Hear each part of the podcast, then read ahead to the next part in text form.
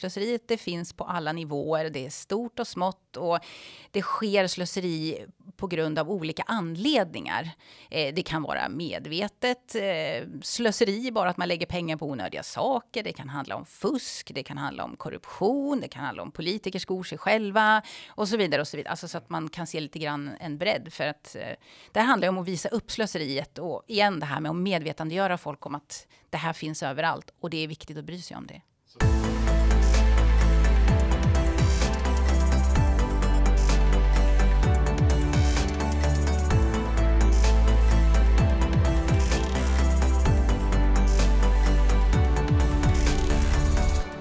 Josefin Utas är kemidoktorn som alltid har valt sin egen väg. Hon var miljöpartistisk kommunpolitiker i Sollentuna och sadlade sen om och gick med i Medborgerlig Samling där hon bland annat satt i partistyrelsen.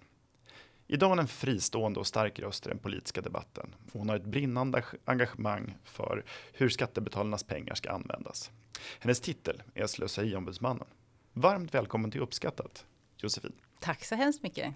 Kul att ha dig här äntligen efter nu ett ganska stort antal eh, avsnitt här under hösten. Mm. Tänkte att vi ska börja prata lite om dig. Du är kemist i grunden och till och med doktor. Vad doktorerar du i? Oj, det, det, är en lång story. jag höll faktiskt på med konstgjord fotosyntes. Mm. Eh, försöka hitta på kemiska system som gör som växterna gör, alltså samlar in solljuset och binder det i någon form av bränsle som man sen kan använda. Så lite ja, miljö, Ja, vad coolt. Vart doktorerade du någonstans? Eh, Stockholms universitet. På SU. Ja, mm. där ser man. Eh, och hur kom det sig att du inte håller på med det här längre? Det, här låter, ju, det låter ju verkligen jättespännande. Jag som är lite, ty, tycker kemi och fysik är roligt. Var, varför slutade du med det här? Ja, men jag har intresse av många saker. Jag har ja. på en hel del med naturvetenskap, men jag har också stort eh, liksom, intresse för samhällsfrågor och utveckling eh, på det sättet. Så att jag har hållit på med det parallellt, alltså samhällsfrågor, lite politiskt mm. engagemang, lite påverkan, skriva saker, debattera. Tycker jag är roligt. Mm. Det händer saker. Kan du längta tillbaka till forskarstudierna? Ja, det gör jag ibland. När jag ser lite kemiska molekyler, organiska föreningar och så. så bara, åh, härligt. det tycker jag är fortfarande roligt. Jag följer med lite grann och så. Man, mm. man hinner ju inte hur mycket som helst. Man har ju bara 24 timmar om dygnet. Ja, är, det, är det en strid mellan orga, de som håller på med organisk kemi och de som håller på med oorganisk kemi? Nej, nej, nej. Vi, vi är vänner. Det är ingen, det är ingen, vi behöver varandra. det är ingen rivalitet, ni är inga egna firmor eller så? Nej. Det, det låter tryggt. 2016 var du kommunpolitiker för Miljöpartiet, men valde att lämna dem för Medborgerlig Samling. Vad var det som fick dig att fatta det där beslutet? Ja, nej, men det, det händer saker med en själv, man utvecklas, det händer saker i omvärlden och sådär, man lär sig mera saker och eh, partier utvecklas också. Mm. Uh, och uh, ja, nej, men jag hade ju representerat Miljöpartiet ett antal år, uh, då, fem år någonting, mm. i kommunpolitiken och den var ju väldigt konkret och så, men att jag var ju också intresserad av nationella frågor och där gick ju inte Miljöpartiet riktigt i takt med, med vad jag tyckte och jag kunde inte riktigt stå för det. Så att då eh, engagerade jag mig i ett nytt parti eh, mm. för att visa att eh, engagemang är viktigt och att det går att starta nya partier. Det går att påverka, även om man inte kommer i riksdagen kan man påverka och så vidare. Så att eh, lite så här pionjärsanda. Mm. Skulle, skulle, Gå före. Skulle du säga att du har att det är samma frågor du brinner för idag som för sex, sju, åtta år sedan? Ja, det är det ju. Eh, även om jag kanske har ännu bredare intresse nu än vad jag hade då. Miljöfrågor, demokratifrågor och sånt eh, har jag alltid varit intresserad av. Men nu är jag ännu mer bredare intresserad kan man väl säga. Men vissa saker återkommer ju. Demokrati till exempel mm. och just det här med hur man hanterar skattepengar mm. Eh, som vi kommer till. Jämställdhetsfrågor och ja, men liksom samhällets utveckling på det stora hela tycker jag är väldigt intressant. Hur saker och ting hänger ihop. Aha. Så att det, det finns en röd tråd, helt mm. klart. Idag är du ju inte partipolitiskt engagerad, men du har ju titeln Slöso eller Slöseriombudsmannen sedan förra året. Mm. Eh, för de som inte är bekanta med Slöso, vad, vad är det här för någonting? Ja, Slöseriombudsmannen jobbar helt enkelt för minskat slöseri med skattepengar eller att man bättre tar ansvar för vad skattepengarna går till. Så man driver opinion, medvetandegör människor om att det här är en väldigt viktig fråga, visar på massa exempel på slöserier för att visa på att det här finns verkligen och det är ganska mycket för det finns på alla nivåer, från kommuner upp till myndigheterna, regeringskansliet, EU. Um, ehm, och uh, det, man, man försöker röra om i grytan helt enkelt mm. Eh, på olika sätt. Det har ju funnits flera olika slöseriombudsmän. Det är lite som en stafettpinneroll som man har ett tag mm. och så kommer det en ny person och man har lite olika kompetens, intressen och så vidare som man rör om lite grann på olika ställen i, i eh, samhället och när det gäller de offentliga medlen så, så att man eh, man driver opinion, påverkar helt enkelt. Ja, för du har inte hittat alla slöserier än? Nej, det har jag ju inte. det är ganska mycket. Vad är det? 2200 miljarder eh, kronor någonting, va? Som är liksom de totala skatteintäkterna som ja. läggs på olika saker. Och en person kan ju inte granska alla de sakerna, så det är teamwork. Nej, man hinner, man kan skrapa på ytan och djupdyka i enskilda exempel. Egentligen. Ja, precis. Men du blandar lite högt och lågt, alltså både mm. slöseriet på de här stora systemslöserierna. Kan du ge något sånt bra exempel?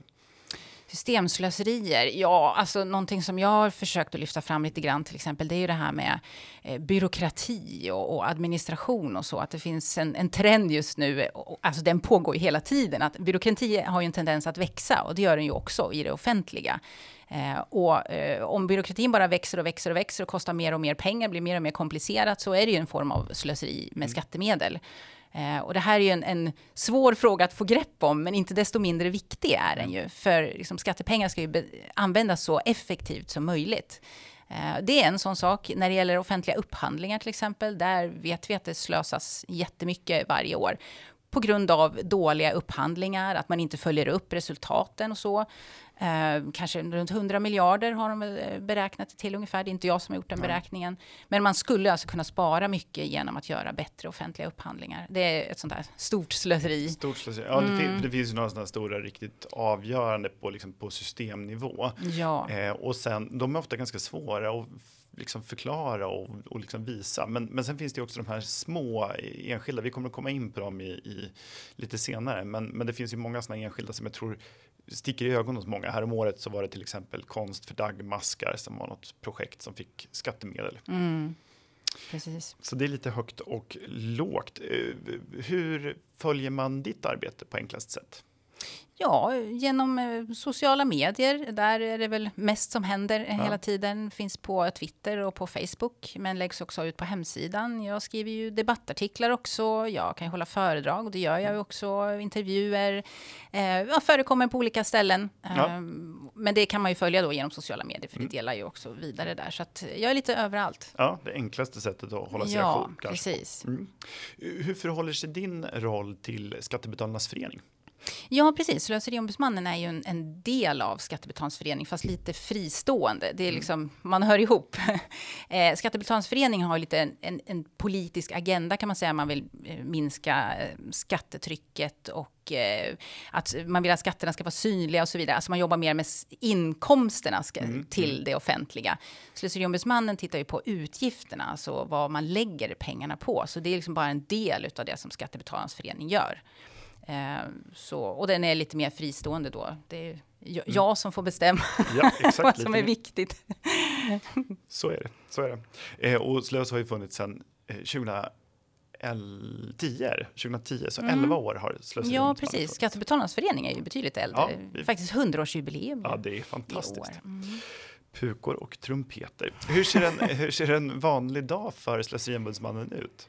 Ja, det kan vara allt möjligt. Alltså, eh, man, man eh, håller sig ajour med vad som händer. Eh, jag läser ju väldigt mycket tipsmail och sånt. För eh, Slöseriombudsmannen vill ju gärna ha in tips. Alltså jag, jag lyckas inte hitta allting som pågår i samhället. Jag läser tips, svarar, jag skriver olika mail till myndigheter och sånt. Försöker ta reda på saker. Jag pratar med folk som har tips. Jag skriver eh, på sociala medier, jag skriver debattartiklar. Eh, som sagt var, jag håller föredrag företag. Många olika saker, alltså det är mm. väldigt, eh, väldigt mångfacetterat. Så det finns ingen riktigt vanlig dag på kontoret? Nej, det, det finns ju saker som återkommer, men, men det är svårt att säga hur en dag kommer se ut.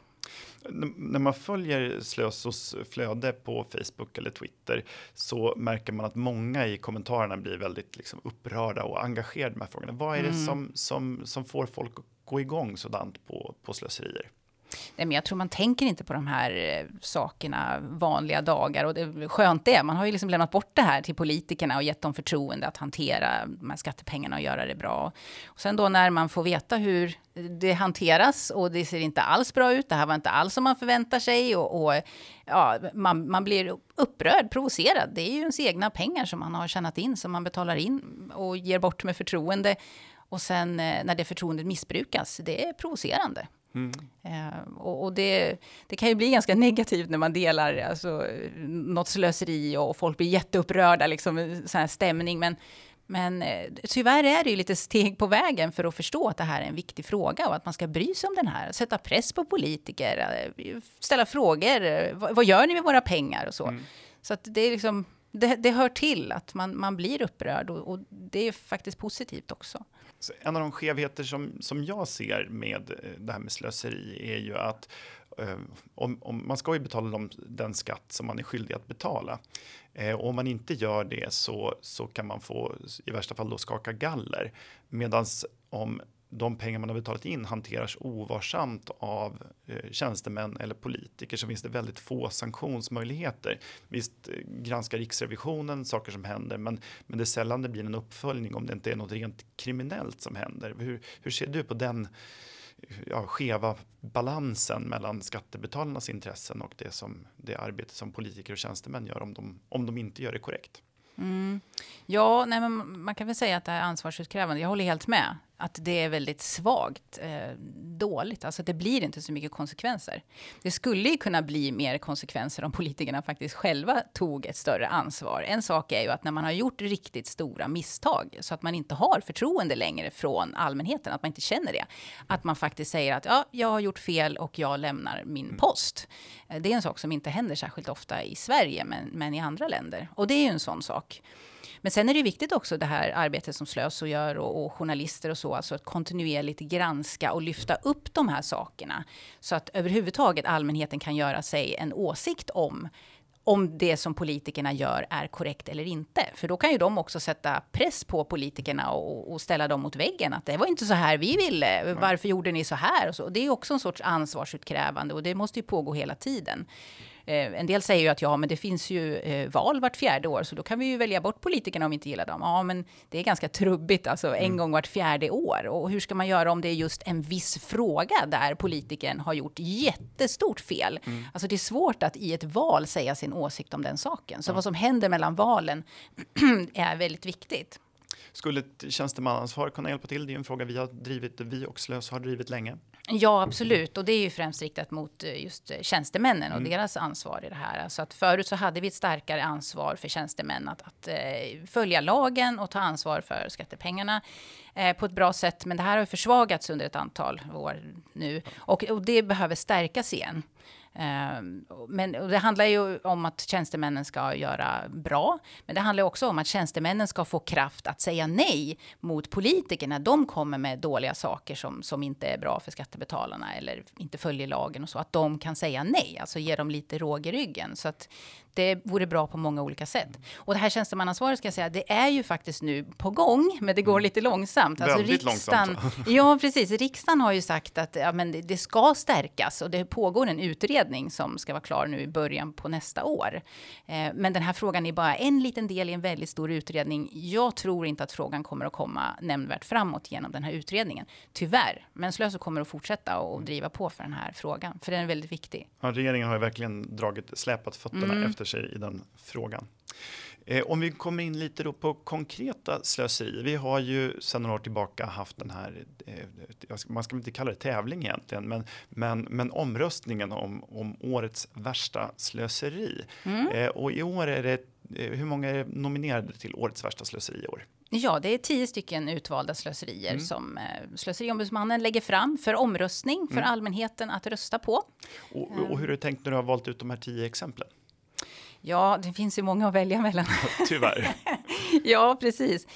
Nej, men eh, jag tittar naturligtvis på liksom, hur eh, flagranta de är, hur intressanta de är, men också att det ska vara en spridning för att visa på liksom, att det här slöseriet det finns på alla nivåer. Det är stort och smått och det sker slöseri på grund av olika anledningar. Eh, det kan vara medvetet eh, slöseri, bara att man lägger pengar på onödiga saker. Det kan handla om fusk, det kan handla om korruption, det kan handla om politiker skor sig själva och så vidare. och så vidare. Alltså så mm. att man kan se lite grann en bredd. För att att eh, det handlar om att visa upp slöseriet och igen det här med att medvetandegöra folk om att det här finns överallt och det är viktigt att bry sig om det. Så det här är en, en, en, en eh, du visar ett, ett, ett brett register av slöseri. Det är inte de största i liksom, i kronor räknat, utan det är en blandning av exempel för att, för att illustrera hur slöseriet kan ta sig i olika former.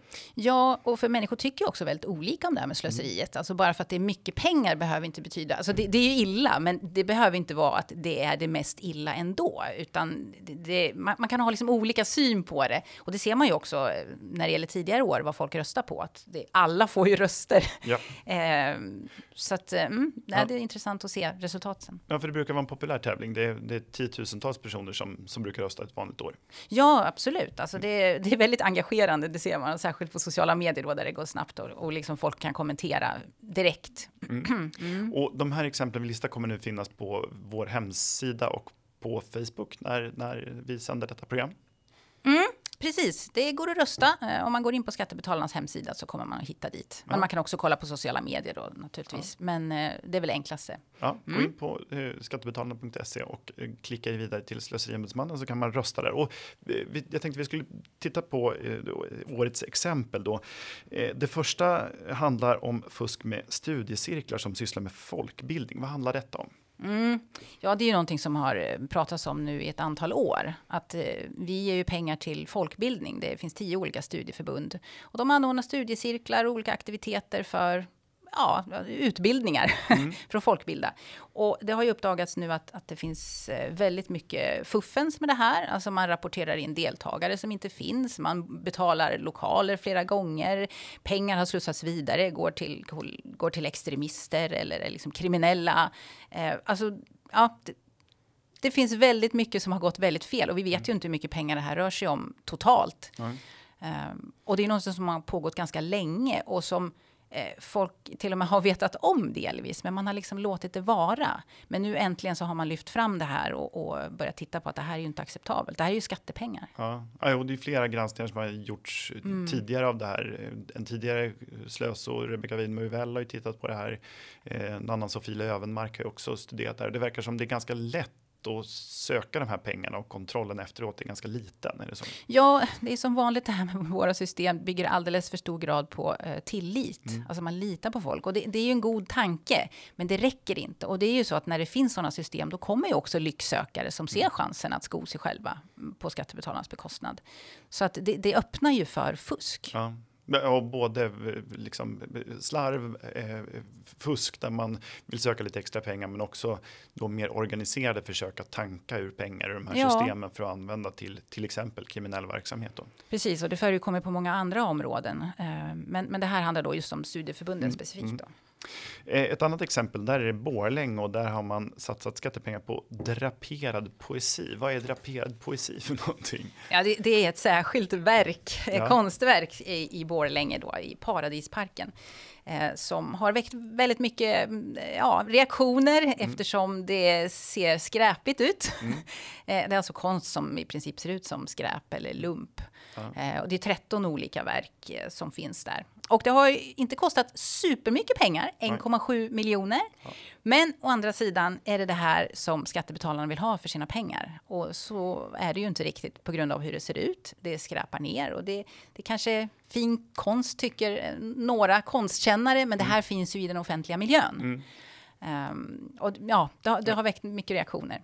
För in, konst och kultur upprör ju väldigt ofta ganska mycket när man följer Facebookflödet, ja. inte minst. Eh, men, men du vill ju inte se dig själv som en, det här är ju inte en, en, du är ju inte en konstkritiker som, som recenserar konsten utifrån det, utan det är ju mer ett slags allmänhetens perspektiv. Mm. Och, och jag misstänker ställa frågan om vad ja. använder vi pengarna till? Ja, precis. Vissa tycker att det här var väl spenderade Ja. pengar och det kan man ju tycka och vissa tycker inte det. Men det är ju själva debatten som är väldigt viktig när det gäller konst och kultur tycker jag. Att Ja. man överhuvudtaget eh, säger sin åsikt och att det, ja, att det är viktigt vad allmänheten tycker. För det är deras skattepengar som går till det. Ja. Sen kommer man tycka lite olika, men eh, det är okej. Ja, och hur man, Debatten är viktig. ja, och hur man än räknar så, så, så är ju så är alternativet att man använder de här pengarna till, till någonting annat. Det kan ju Mm. vara annan konst som kanske uppskattas mer eller, eller mindre. Eh, eller så kan, ju, kan man ju använda det till förskolan eller, eller äldreomsorgen. Mm, eller precis. faktiskt Det låta pengarna ju- stanna i skattebetalarnas egna fickor. Ehm, Så det, det här är ju en fråga som man behöver faktiskt hålla en debatt i. Det finns ju inte oändligt med, med skattekronor utan Nej. måste man ju prioritera. Precis. Eh, och då är frågan vad man prioriterar. Och jag brukar säga att den bästa, eh, den bästa kultursatsningen är att låta folk behålla mer av sina pengar så att de själva kan lägga det på kultur. Det är väl ett bra sätt. Ja. Eh, eh, om vi går in på det tredje exemplet, då, så var det 2018 så lanserade Stockholms stad en skolplattform som skulle vara en digital kontaktyta mellan föräldrar och skola. Och nu Mm. några år senare, det här låter ju det låter väl toppenbra, men Mm. du, du har valt ut det här som en av kandidaterna. Vad beror det på? Ja, det här projektet har inte riktigt gått som det var tänkt från första början. Det skulle ha blivit mycket billigare och det skulle framförallt ha fungerat mycket bättre. Alltså man valde att ta fram ett eget IT-system istället för att köpa in. Eh, och eh, det blev inte ett bra resultat helt enkelt. Det blev väldigt mycket dyrare. Eh, det var säkerhetsproblem med det här. Och eh, ja, har fått väldigt mycket kritik. Hur mycket pengar spenderar man? Ja, uppåt en miljard kronor. Ja, det är ju en slant. Ja, Det, alltså det, det miljard, är det, extremt. Det här är alltså Stockholms stad. ja, det är över en tusenlapp per skattebetalare. Ja, Hoppsan. Så det kan gå. Eh, fjärde exempel, och det här har ju varit väldigt omtalat om, men, men det fjärde exemplet, eh, där har eh, Uppsala universitet ett bokningssystem för resor. Vad, vad gick snett där? Ja, där har man haft kriminella som har bokat resor genom universitetets resebokningssystem och, och bokat internationella resor och även smugglat eh, vapen och andra grejer. Det här låter ju helt eh, tokigt, eh, men det är sånt som kan hända om man inte har kontroll på grejerna. Och jag menar, alltså, naturligtvis så skulle det kunna hända Alltså det sker misstag ibland och fel, men det här har skett flera gånger. Eh, och ja, det här är väldigt flagrant. Mm. Eh, så här får det ju naturligtvis inte vara. Märker du att människor blir extra upprörda när det handlar om att pengarna inte bara slösas bort utan också går till att gynna kriminell verksamhet? Vi pratade, om studieförbunden förut, men det här är ju också ett sätt när skattepengar inte bara används fel utan faktiskt göder sånt som vi vill bekämpa från, från det offentliga Ja, sidan. ja, men självklart påverkar det. Men alltså det är ju, skattebetalarna blir ju lurade genom det här, alltså utnyttjade. Eh, och, och det är ju ingen kul känsla. Nej. Eh, och, och, ja, nej, det är bra att människor reagerar. Ja. Eh, Eh, och som jag sa, betalar man inte in sina skattepengar kan man få skaka galler, men nu går Mm. pengarna istället till de som borde skaka galler och det är väl ja, precis. Ja, bra formulerat. Eh, ytterligare ett exempel då, det är eh, ett bidrag som jag och eh, vår chefekonom Erik Bengts varit ute och debatterat en hel del och det är den här Mm. EUs coronafond. Varför landar den här? Är det inte bra att EU tar sig an problemen efter pandemin?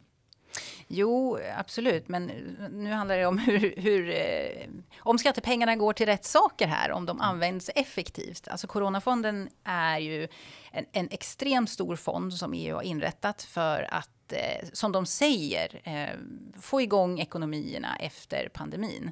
Men problemet är ju att det här, den här fonden är ju bara i princip en, en bidragsfond, ytterligare bidrag. EU tar ju in otroligt mycket pengar. Alltså Sverige betalar ungefär 35 miljarder, kommer betala ännu mer framöver per år till EU eh, och alla andra länder gör det och sen så delas det ut väldigt mycket bidrag.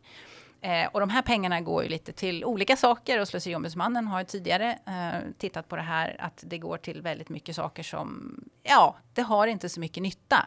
Det är olika typer av, av regionalstöd och tillväxtstöd och det är ju en enorm flora eh, genom det här. Och Coronafonden är ju ytterligare liksom höjning utav alla de här bidragen. Och vi, om man tittar ur Sveriges synvinkel, så det är jättesvårt för oss att ha kontroll på vad händer med de här pengarna eh, ute i, eh, ute i EU. Ja. Eh, men det är ju svårt även på hemmaplan, alltså sker det ju massor med slöseri. Men nu får vi då ännu mera eh, Ytterligare ett lager av potentiellt slöseri. Ja, precis. Och man mm. säger det ju för pandemin, men det är ju liksom allmänna bidrag, så det är bara en utökning utav det. Eh, och ja, Ja, det, det, finns mycket man skulle kunna säga om det här, men, men det man kan liksom notera här, det är att det här är på EU-nivå. Jag mm. nämnde det tidigare, alltså att det sker väldigt mycket slöseri på EU-nivå också. Och när vi skickar pengar dit så eh, skapas det ju väldigt mycket extra byråkrati och så, än om man jämför med om vi skulle behålla pengarna här och dela ut pengarna här. Vi har ju bättre kontroll vad som händer i landet än vad EU har. Så att man förlorar ju en massa pengar på vägen genom de här byråkratiska systemen och det är ytterligare ett problem med det här. Och, sen, och det är väl som när vi har tittat på, vi har tittat på statlig industripolitik där man mm. skvätter iväg 40 miljarder varje år eh, till ibland inte bara liten eller obefintlig nytta, ibland skadar det ju till och med eh, den verksamhet eller den, de branscher som, som det går stödpengar till. Vi pratade tidigare i höstas med Christian Sandström som har skrivit en rapport eh, för oss på det här ämnet. Mm, precis. Så det här är ju ytterligare ett problem och vänjer man sig vid de här typerna av extra bidrag så är det svårt att vänja sig av med det. Om man väl fått de här pengarna så är det svårt att sen vara utan dem. Så risken mm. är att man, man gör, gör hela branscher eller, eller delar av Europa bidragsberoende på sikt också. Ja, precis. Mm. Om, om, vi ska hoppa från Europa till Tranemo som är ytterligare ett av de här eh, exemplen som finns i årets värsta slöseri så har de skaffat sig en egen eh, kommunpoet. Vad, mm. vad är det här för någonting? Ja, ja, den har ju diskuterats väldigt mycket också, väckt reaktioner. Eh, nej, men det är eh, Tranemo kommun som fick en idé att de ville ha en kommunpoet och då var det en, eh, en eh, poet som sökte om pengar från en statlig myndighet alltså och mm. fick pengar. Och sen så ska han då skriva dikter i kommunen i Tranemo, en i veckan tror jag det var. Och göra lite andra grejer och det kostar uppåt 900 000 då för ett års projekt. Mm. Eh, och då kan man ju diskutera, är det det här som, som kommuner ska hålla på med? Och kommunen har ju själv sagt att nej, men det är inte våra pengar, det är från en statlig myndighet och liksom försökt slå från sig. Mm. Ja, men det är också skattebetalarnas pengar. man, man, kan fråga sig om Tranemo ska ha en kommunpoet, om det här är en bra idé. Varför har inte alla då 290 kommuner en egen kommunpoet? Ja, precis. Om man tycker att det här är absolut viktigaste, då borde man ju satsa på det med kommunala pengar i så fall. Men eh, nu tar man då statliga pengar istället. Men, och det här, jag pratade med Mikaela Fletcher om det här veckan. Eh, det, det finns någonting som kallas för KOKO också. Det är inte något av de nominerade, men, men men ja. Koko, det är, vad är det för någonting? Det är kommunkoreografer. Men det finns på fler håll, eller hur? Ja, det finns det faktiskt. Eh, det handlar ju om dans då. Mm. Eh, att, att man eh, har ett samarbete mellan en, en, som, en koreograf och kommuner eh, någon sorts modell som Stockholm har tagit fram, men som har spritt sig eh, i olika varianter till olika kommuner. Så att där är det dans. Vem vill inte se ett eh, budgetfullmäktige debatteras i dansform? Ett dansbattle kanske. Eh, det vore något det. Eh, om vi går vidare då i listan så är det eh, det svenska biståndet är ju ofta återkommande i, i de här diskussionerna om slöseri. Mm. Eh, och det lyfts i år igen. Vad är det du har tagit fasta på där? Ja, precis. Det händer ju jättemycket när det gäller bistånd. Biståndet är ju väldigt stort. 50 miljarder ungefär ger ju Sverige nu i bistånd. Eh, jag lyfter fram det här med Afghanistan. Att vi har, vi har satsat väldigt mycket pengar i Afghanistan de senaste 20 åren. Och eh, det är en rapport som, som har tagits fram som visar på att det här eh, biståndet inte har gjort särskilt mycket nytta. Utan snar, det kan snarare ha gjort skada, orsakat korruption och så. Alltså man har inte gett de här biståndspengarna på ett, ett bra sätt. Eh, 14 miljarder har Sverige satsat de senaste 19 åren i Afghanistan. Och ja, nu har ju talibanerna eh, tagit över där igen och eh, länder har lämnat och det kommer bli svårare. Det, det är svårt att att bedriva bistånd och, och, det är ju inte en anledning till att man ska strunta i det. Men hur man gör det spelar ju väldigt stor roll för om de här pengarna gör nytta eller om det slösas bort. Um, och framförallt så kunde man ju se framför sig att man skulle utveckla metoder för att utvärdera det här. För det här är ju inte det första exemplet på slöseri som sker i, i, i biståndssammanhang.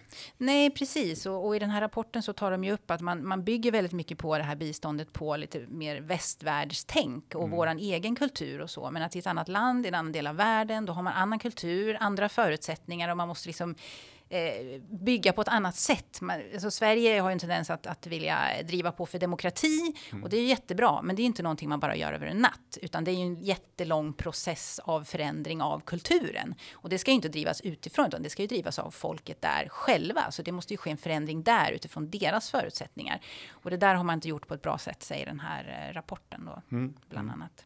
Utan man, de säger till exempel att man ska satsa på lite mer konkreta saker och, och konkreta mål istället för öka jämställdheten eller, eller demokratin. Alltså bygga upp eh, saker så att det fungerar där mm. på plats mer konkret samhälleliga saker. Ja, vi, det kommer säkert, det är säkert inte tyvärr sista gången som, som bistånd är en, eh, en kandidat då till årets värsta slöseri. Nej, precis, och det granskas ju också. Riksrevisionen håller på med en, en granskning nu eh, ytterligare Mm. Eh, så, så, det kommer liksom granskningar hela tiden. Man hoppas att eh, man lär sig någonting ja, av dem. Det finns en, att det finns en process för att ta emot den här kritiken då också. Ja, precis.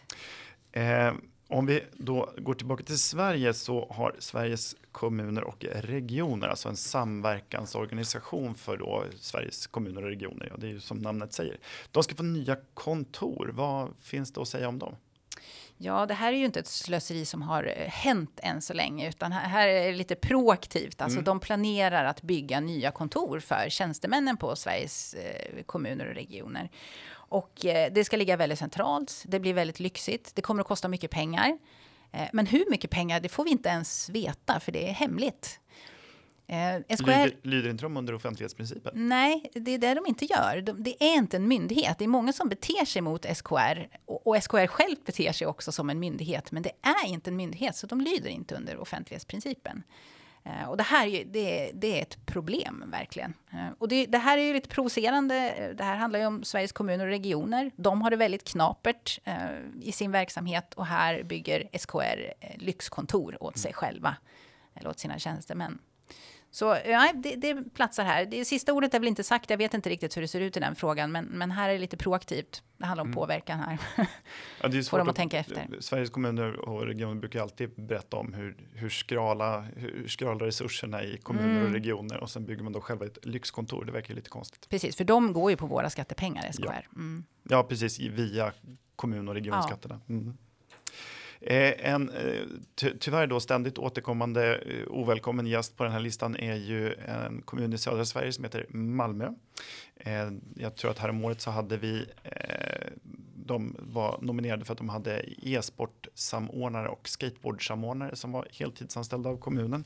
Eh, och i år så är det en, eh, inte ett konstverk utan det är någonting annat. Vad är det, vad är det med nominerade Ja, för? de säger att det inte är ett konstverk, men det, det är en, en, rosa blinkande enhörning som är någon form av utsmyckning eller gestaltning mm.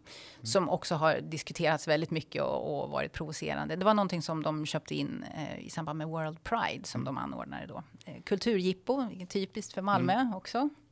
Ja, det är ju en kommun som tar emot, som är den största mottagaren av eh, kommunal skatteutjämning och så använder de en del av de pengarna då till, till rosa enhörningar och eh, e-sportsamordnare alltså. Mm, precis, och det är ju provocerande för andra kommuner då som, som har det inte så bra ställt och så får de skicka iväg sina pengar till Malmö och så använder de det på det här sättet.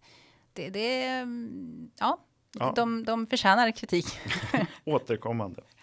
Eh, eh, och vi håller oss då till det sista exemplet som är, fortsätter vi den här immateriella världen och det är statliga myndigheters varumärkesbyggande. Vad kan man säga om det?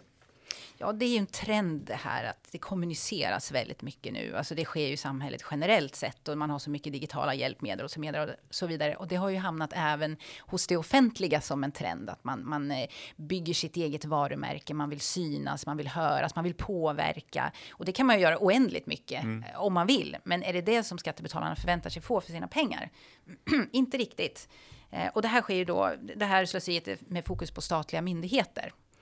Och eh, det kom en, en, rapport som har tittat på den här. Den heter Ingen reklam tack, en ESO-rapport om myndigheternas kommunikation.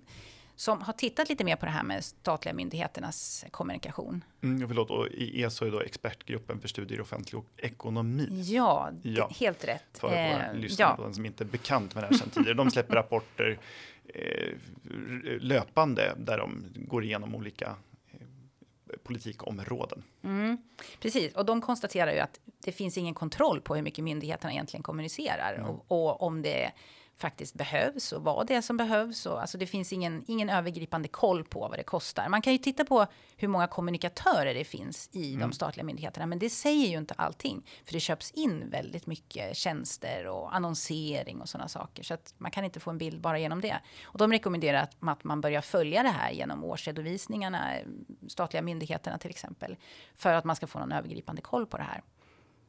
Det låter ju övergripande som flera av de här exemplen handlar om att eh, de, de, som tar emot pengar blir för lite granskade och att uppföljningen är för svag och för dålig. Mm. Skulle du mm. säga att det är ett, ett genomgående problem när vi ser slöserier? Ja, absolut. Visst är det så. Mm. Jag tror man ser inte de här som slöserier, men tittar man ur medborgarnas perspektiv mm. så det är inte riktigt det här de förväntar sig. Nej. Och är det här verkligen nödvändigt? Eh, så att ja, det, det behövs mer, mer koll, mer Mer uppföljning. Mm. Mer kontroll och granskning och, och kanske star starkare sanktioner mot de som inte rättar in sig i ledet. Ja, alltså politikerna måste börja ställa sig frågan också. Alltså det är mm. de som är ytterst ansvariga. Ja. Det är, de här myndigheterna följer ju bara vad, vad, politikerna säger åt dem att göra i princip. Och är det det här det som våra riksdagspolitiker då, eh, i det här fallet, eh, tycker att de ska satsa på? Mm. Är det det som är det viktigaste? Och i slutändan så får ju då väljarna vara med att avgöra detta, även om det då bara är vart fjärde år. Ja. Om man inte dyker upp något extra val däremellan. Eh, då har vi gått igenom de tio kandidaterna. När koras vinnaren? Ja, i januari, I januari. så kommer mm. vi med resultaten. Mm. Så då kan man gå in och rösta på sin eller sina favoriter, för man får rösta fler gånger om man vill, om man har någon särskilt stark kandidat. Det här är precis som, som revisions, eller vad inte revisionslagen, utan vad heter det? Melodifestivalen heter det i ja. Sverige. Ja, man kan rösta flera gånger, men vi har inga deltävlingar än. Nej, nej, nej, vi, vi håller oss till de här tio. Och sen. Ja. Och ingen, andra, vi vinnare. ingen andra chansen. Ja, det ser vi fram emot. Det ska bli spännande att se utvecklingen. Har du någon egen favorit eller vill du inte påverka våra? Nej, jag, jag vill nog inte påverka. Jag har Nej. ju satt dem här på listan av en anledning. Ja, alltså, så du, att, har, eh, du har alla tio är favoriter. ja, vi ser fram emot att se hur tävlingen, eh, när, när, när den avgörs, eller omröstningen, för det är kanske inte ett så så något tävling. pris man riktigt vill vinna. Eh, mm. Men eh, vi ser fram emot detta och ska följa omröstningen med spänning. Eh, tack för att du ville komma till Uppskattat Josefin och berätta om vad du gör och om årets värsta slöseri. Mm. Ja, tack själv. Jätteroligt att ha dig här och vi får säkert anledning att återkomma. Uppskattat det är en podcast från Skattebetalarnas förening. Vi arbetar för låga och rättvisa skatter, rättssäkerhet för skattskyldiga och minskat slöseri med skattepengar.